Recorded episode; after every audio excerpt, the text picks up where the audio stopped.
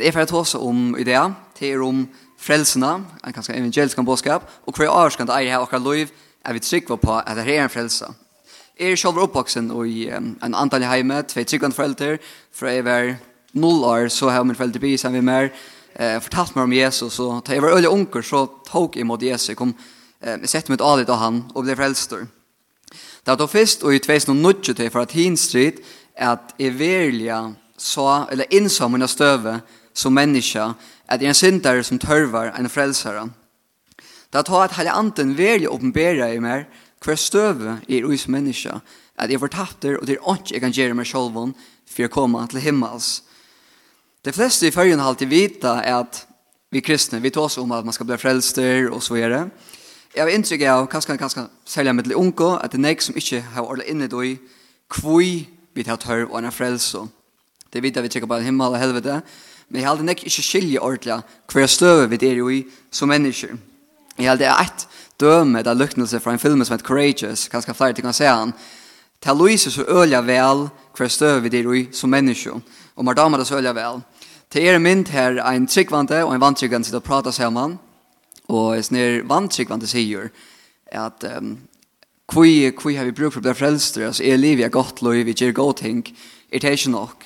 Og jeg som tryggvande sier, Fortell meg hva du elskar mest her i verden, og han sier, mamma min, så sier han, hvis noen kom og drep mamma døgna, pura brutalt, og så ble han kort framfor en rattarsak, og han sier, ja, jeg har gjort det, så jeg sier ikke, jeg har dripet den personen, men hva du ikke, så hjelper vi til frelsen her, og ikke gjerne god ting, er god familie med over, er lojal mot konen som er, mot bøtten som er, og hjelper vi sundagsskolen. Så tar mer så sier vi domaren, at jeg har gjort det ønta, men jeg gjør sånne god ting. Så spyrir sig tryggvande, hei, det er en rattvise domare. Og Sverige er sjående, nei, det er ikke en rattvise domare. God er rattviser, og til det samma stövet i roi, vi lekkast sig styp i omkran, men vi heva en omätliga skuld så vi ikke klarar å betala. og en dag skulle komma framför en domare. og da er det lika mykje hva vi säga hur gåvärsk vi har gjort. Vi häva en skuld och vi ska rintast. Det som är så fantastiskt är att om vi är vid stand till så rättar sig inte helt enkelt Så kommer en person inn som heter Jesus, og han sier, jeg vil teka tvina skuld av meg, og ta onker betale tøyna skuld, så kan du godt fære ut ur rattarskjætsene, kjølt om at du er sikker. Og det er det som Jesus bjør oss, at teka det som vi er oppe på det, og se, så vi kan komme ut ur resten rattarskjætsene, rattarskjørt, eller fru. Jeg arbeider selv i banka, så jeg kjenner vel til det vi skuld, og nekva oss, flere av oss, de ser dere skuld i 25 år, og binda okkur nýtla rinda en stor oppad kun kan som samanna. Og, men jeg klarer ikke en gonga rinda til men vi har en skuld som er oendelig større enn en vanligt lån til et hus, og til et han synden vi har. Vi leser Kolossbrand 2, vers 13, um, om hessa skulden vi har, og hva Jesus gjørs vi okkur. Her stendur, eisen tikkun, så var deg i syndotikkara, og omskårende standetikkara, holdt noen, gjør han livande vi honom, Han fyrgav okkon öll missbrott okkara, og så kjem og utstrykka i skuldarbrav imot i okkon, som vi på sunn og tjekk okkon imot det. Han tog det bort via nekla til av krossen. Han avåpnet teknenar og valtene og gjør det til ska skammar for eim aldra, ta han av krossen og vurste seg som sier herra, iver taimon. Det er helt, helt fantastisk vers. Ta vi skilja hver støvder ui, at vi har en skuld, vi er så bråden som mennesker, at um, vi kunne ikke komme inn i samfunnet av god, da vi skiljer okkar støv, da blir det brått ikke løgntermal hvor, folk, hvor god leder folk fra til helvedes. Da blir heldre et løgntermal hvor god ikke frelser okkar.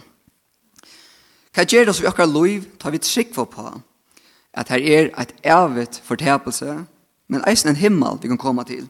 Ein som uh, mer damer øyler vel, som er lorsnak etter senast, det er en amerikansk taler som heter Francis Chan. Um, han uh, er øyler populærer, Men jeg halte han her øyla nek for sin integritet og i lea her. Han legger øyla sånn det og at det er avtråkande at vi får båskapen om Jesus ut til mennesker. Jeg har sånn statistikk at det er om 4.000 mennesker om dagen som er født i et omkvarve her det ikke kommer høyre om Jesus. Hetta er ekstremt avtråkande at vi nå utlese mennesker. Vi som sitter her, vi har hørt glede om Jesus, ganska tusen fer och är vant det allra allra flesta och hon är frälst i det här samfället vid Jesus. Och vi må vara otroliga tacksam för och söver. Det är otroliga välsigna att vi känna Jesus. Det må vi inte försmåa. Vi är förhåll vi skapar när hemma någon och det är gång till fjärren. Tan där inte vi dodja så släpper vi till himmels. Det är fantastiskt. Och Jesus, han är inte bara gjør hon nok at evet liv, han ger okun eisna nytt liv her på et. Og han er ment til å fytla til at som vi ha liv noen. Nek okun er tendens til å leva for et forhold, for en utbyggving, for penger, for klær, Men hver løn gjør vi til og enda noen å leve for til. De ting som mennesker vandrer i avfesta har ikke å si i mån til himmels, himmelska som bojer okun. Er det nega større enn å leva for Jesus, og vittna og kanskje leie omkran til frelse.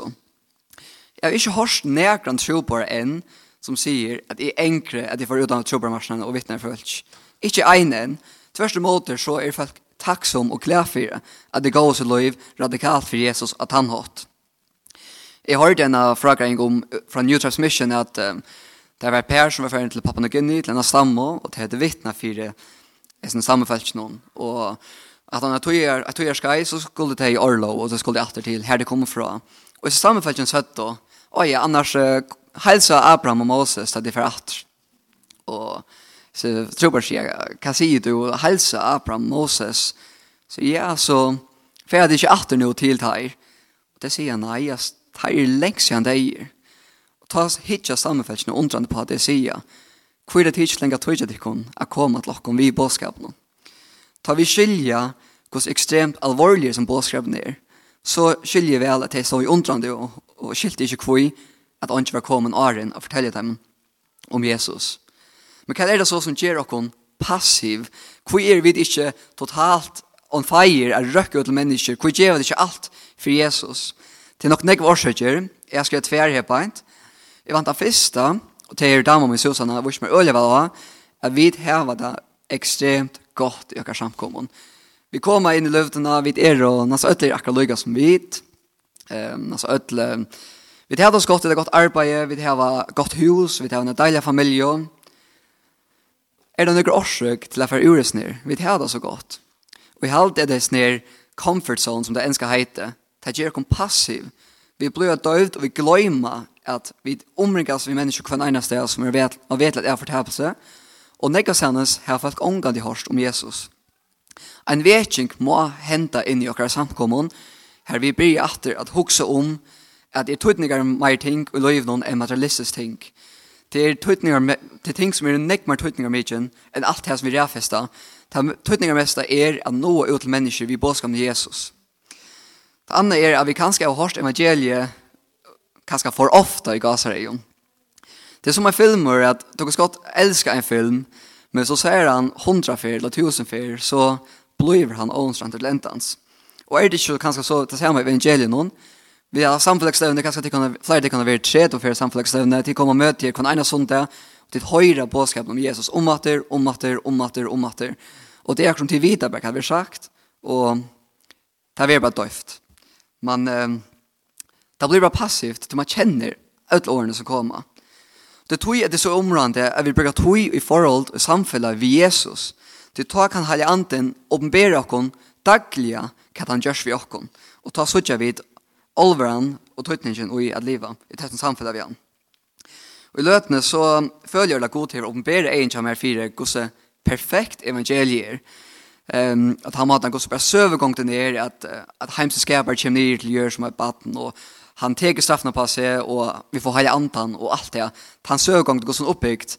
Och det er alltid nok så utrolig til at jeg akkurat lyser Lukas evangeliet for fjore fyr. og jeg har spåskan med Jesus og enda ändrar fyr. Men lika väl så er god mätter till att ändra något och visa imens sannleikar som er så fantastiska. Um, Glömmes i Lukas 1, vers 8, vers 9, vers. Her sentur, heter Eimon miskum gods okkara for å takka, som det at løysinga hadde en vits okkon og svettar, til å lyse teimen som sitter i myskere til jeg skukka, til å leie føtter dere inn av ved frierensens. Og trolig vers, God innskjer at lyse teimen som sitter i myskere til jeg skukka, og til å leie føtter dere inn av ved frierens. Så bruker tog i forhold vi god, til det er mitt beste båfyre at man ikke blir passiv, til å leve i en tøtt forhold vi god, til hele anten og god han rister ut det fra tog til tog, og minner minnet jeg vakna og liv for meg. Da senter vi, um, ja, halvdar Lukas, når jeg skrevet kapittel, men da senter vi um, Bibelene, ta tag Johannes til året og sier, Marster, vi så i ein som rek ut et antar i navnet tøynon, og vi får bo i noen til, er at han ikke fylgje vi okkon. Men Jesus sier vi han, for bjør vi hon til ikke, til han som ikke er måte tikkon, er vi tikkon. Hvor leser seg versen her i jo? Jeg halte sjølver at det er tøytninger mye ting i løyvnån, som er, det er ting i løyvnån som har større tøytning enn så kallar andalig klantor. Vi såg her at lærersveinen får bo i omkron som gjør det også godt for Jesus. Tog at han var annerledes, han var ikke akkurat parser at her er kliko. Og jeg sier, de må ikke få rundt her, til han som ikke er mot til hun, er vi til hun. Vi til førjen har ganske ofte tendens til å bruke nekva orsk og nekva tog at tjekas om um ting som kanskje holder forholdsvis løyt jeg sier, og her tås jo om teologiske diskusjoner. Det er ikke til at det ikke er tog just det, men samkommer for split av tog, og akkurat støva som tryggande, hun kanskje viknast. Tog vi letja større dent av å vite hva er rett om skal kvinna lära eller ikke, er nøygan til inte. ikke. Og vi missar folk så at det er som berlig tøytning, og det er røkker ut med menneskjon, ut til mennesker vi evangelien. Vi tar brøver kring alt fyrir og systrar kring alt fyrir, som ikke sutja ut akkurat som vit, som er annerledes enn vit. Lät ikke te fora for at vi sammen kunne komme sammen og røkke ut til andre mennesker. Lät dere virkjenne sammen eh imsleikan, men allugal ikkje missa sannleikan og tøy. Så det sender i samme kapitlet, bare 6 vers 17, at Jesus sier, til menneskesånen er ikke kommet av øya mannaløyv, men av frelsa. Det er som Jesus sier først, at ikke får Jesus en pronom for å gjøre eh räcker ut ett lantar, petar sig annars ut och så att han kör man vi kvärt er mot hövs ändamål. Han ser till inte komma han är inte komma oja man och men att frälsa. Och Jesus han inkyr att frälsa öll. Det som man damas vel väl versene i Anna Petersbrev, kapitel 3, vers 9. Herren er ikke sein for vi lyfte noen, ta som i halda til å være sein for det. Nei, han er lengt med over for tikkere skuld, så heter, tog han vil ikke at nægar skal fortapast, men at ødel skulle komme til omvending. La meg lese det sørst om atter, Tui, han vil ikke at nægar skal fortapast, men at ødel skulle komme til omvending. Jesus innskjer av frelse ødel. God hever et brennende hjerte for taimon som er fortapt. Og nå spyr jeg tikkon, her har vi et eisende til.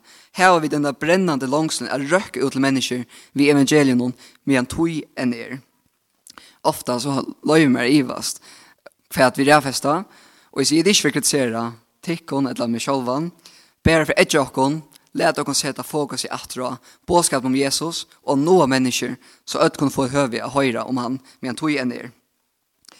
Så Jesus kommer attra inte jag. Vi vet inte om vi här det en inte Och det är och flera hundra, eller det är mer än hundra som dödja dagliga som inte höra om Jesus negativt. Vi må ræfesta god og hans er endamal til er kommer kjenne han og så är røkke ut til andre mennesker. Det er video som eiter Letter from Hell av YouTube som er ganske rettelig det er en søva og hun er ganske rettelig ekvislig men jeg har alltid lykka vel at uh, det gjør ikke om aktive synder skrikter og jeg. Det er en søva om uh, tver viner, tver ordla gode viner som køyrer en biltur og det kommer ut fra og opp og Det ene tryggvante, og det ene vantryggvante. Det vantryggvante døyr, og det tryggvante han evliger, hessa første vannlokko. Tog en gang så, hessen tryggvante kjem fyrir så en dag så kommer et brev i posten. Hedde kjønt det en, en fiktig søv, hon ikke, bygd av verleggan. Og her er brev, og han åpna det. Og det brev er fra til vindmannen som er deir.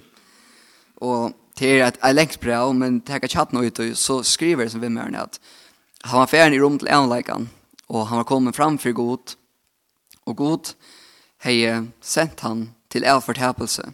Og hvis vinner spyr bare, han sier vi fylltes kvann einas at det. Vi brukte og vi delte nesten alle våre tankar og våre kjensler vi kvann annan. Og han spyr bare, vi fortalte til meg omkantøy om Jesus? John Piper sier, It's better to lose your life than waste it. Det er bedre at missa sitt liv for Kristus enn å spytla til. Læt dere ikke blive alltså fänka oj att kalksa folk om med tror jag att att leva heter löve som är så stort för Jesus radikalt och ganska nå ut till människor till såna jag säga än det ganska här syndra och är och leva inte radikalt för Jesus. Jag tar sån ek om hur vi vet trycknisnär och rök till människor. Och i hoppas att det har sett några tankar igång om Gå så lever dere liv. Lever vid ojes ner at det er avtråkende at røkka ut til mennesker. Til det er ganske flere kritikken er og vel etablerer jeg. Til det kommer en god rutine. Til følger jeg sin erpere kommer nå. Jeg er ganske ikke gammel enn. Men um, om god til å ena for kattlet ikon, etter kattlet ikon enn, er vi tro på her, så bygger ikon innelige, ikke vi er tog kattlet og løyen.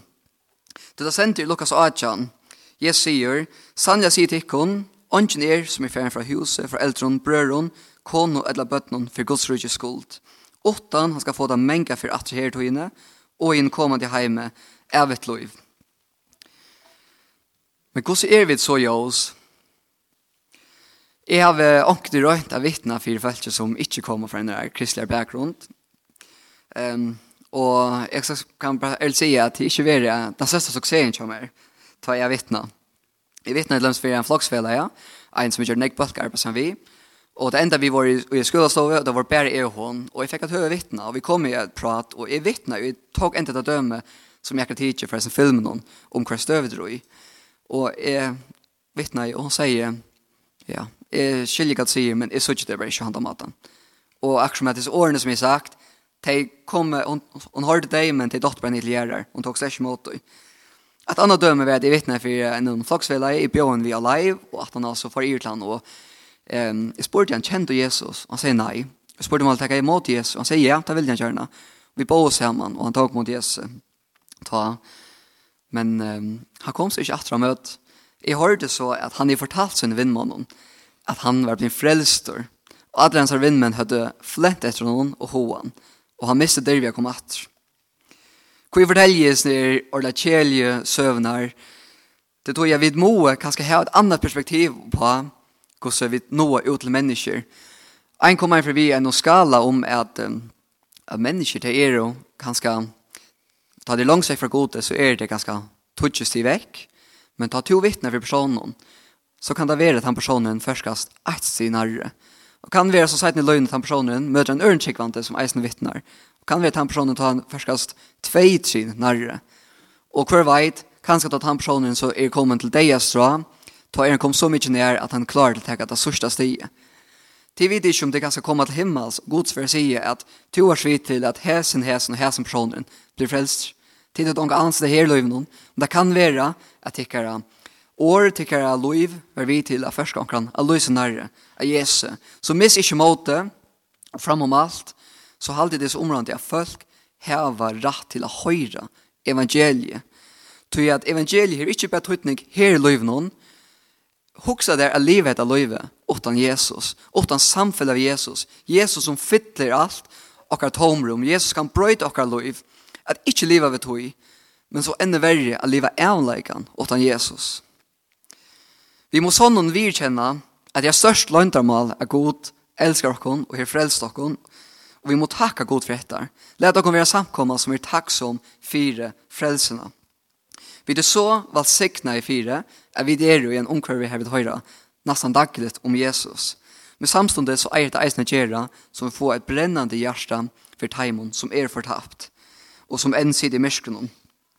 Let okkon at okkon fire av bo og båskapen om Jesus, med en tøy enn er, Og leta oss som stola taimon som er ute og tro på marsjonen. Vi er bia for taimon, og vi er djeva. Bøn er så ekstremt måttmikkel. Vi må ikke undermeta det. Et som jeg har gjort, et er en luttland seil i bøypene, vi tjej nøvnån som er tjej personer som er bia rekla fire, om at jeg skal komme og kjenne Jesus. Jeg har avår bia for nøkron, vimfalt sjokk mer som ikke var nær så gode, og opplevde at god svære til bønene. Og i løten er det faktisk atlas sottlet, at jeg blir på et herfra med Trim Monsian, og jeg blir regler for Taimon. Meir, altså fyra er sånn tjej, er knappt jeg ber å komme og møte i atter. Det var ikke å møte for Trim Monsian, og jeg blir, og nå er det knappt jeg atter å møte. Jeg har ikke tås av den pronen, jeg har ikke edget den pronen, med god virskar, han høyre akkurat bønner. Let dere bia for Taimon som en genger myrskunum.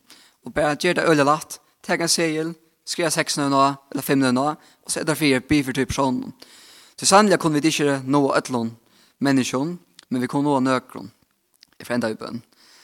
Gå god, jeg prysat der fyrir at du er en god god, og du har givet til sjolvan, så vi kan komme i samfella vid her god. Jeg blir bare god nå om at, um, at du skal være okkur, okkur, jokkar gjørste, at vi skulle tega henda bådskapen og tan kærlegan du hever for øtlo menneskjon til okkur god. Jeg blir om god at um, vi skal få en uh, langsel, og vi skulle leve i etter atråkande av noe ødel mennesker i bådskapen om det godt. Vi prøys og takkar deg god, vi takkar deg for det, at ta til overbåre, at du gæs i sjolvan, og du gæs og en ekong til å komme til himmelen. Vi ber om at vi skal samkomma, og vi er takksomme mot her, og prøys her, men eisen vi der samkomma som radikalt nær ut til andre mennesker. Vi prøys og takkar deg god, og vi legger seg vikna framfor det. Amen.